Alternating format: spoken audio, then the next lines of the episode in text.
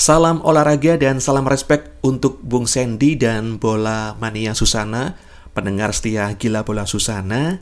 Saya Didi Andrian, kasih catatan singkat aja deh tentang Europa League dini hari tadi, utamanya untuk pertandingan Arsenal kontra Villarreal.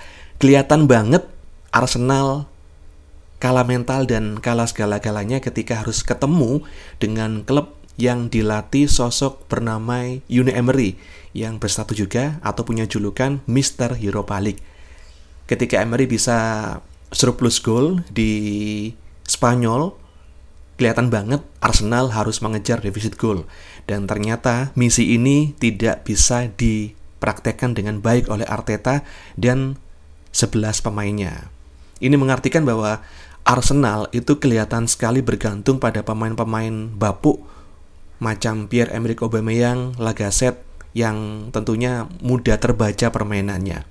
Saya melihat ketika Arsenal menurunkan Gabriel Martinelli di babak kedua itu terlalu terlalu lambat sebetulnya Bung Sandy dan juga bola Mania karena sebetulnya pemain-pemain muda dengan kecepatan di atas rata-rata ya untuk sekarang ini di Arsenal itu dikasih menit lebih lama ketika tampil di pertandingan krusial karena ya ini kan sebetulnya sama-sama berjudi kalah menang kan ditentukan dari hasil akhir. Kenapa nggak sekalian aja dimainkan sejak menit awal?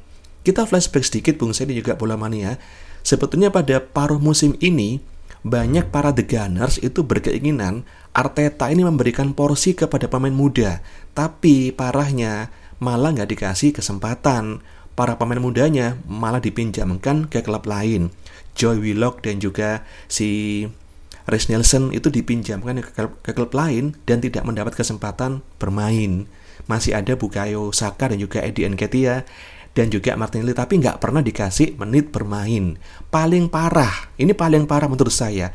Bagaimana transfer William Saliba yang sudah jelas-jelas dia punya prospek malah nggak dikasih kesempatan masuk tim inti dan dipinjemin balik ke klub lamanya. Kan ironi sebetulnya sudah dipinjamin ke klub lamanya, back yang lain juga masih dipinjamkan ke klub Jerman. Ada Sokratis yang udah hengkang ke Yunani juga, ada Skodran Mustafi juga yang juga sudah nggak di lini belakang. Wes pokoknya kropos banget. Sehingga ya nggak mengherankan ketika Arsenal bisa masuk ke semifinal, pemain mereka itu nggak punya kekompakan seperti Villarreal.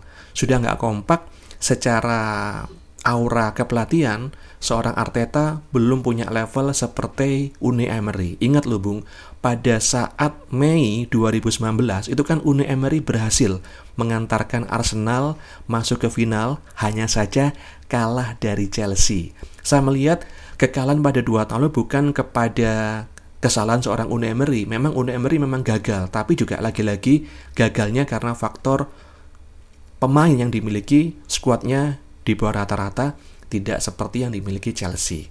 Oke, thank you juga untuk Bung Sandy dan juga salam buat semuanya bola mania, gila bola Susana, salor dan salam respect.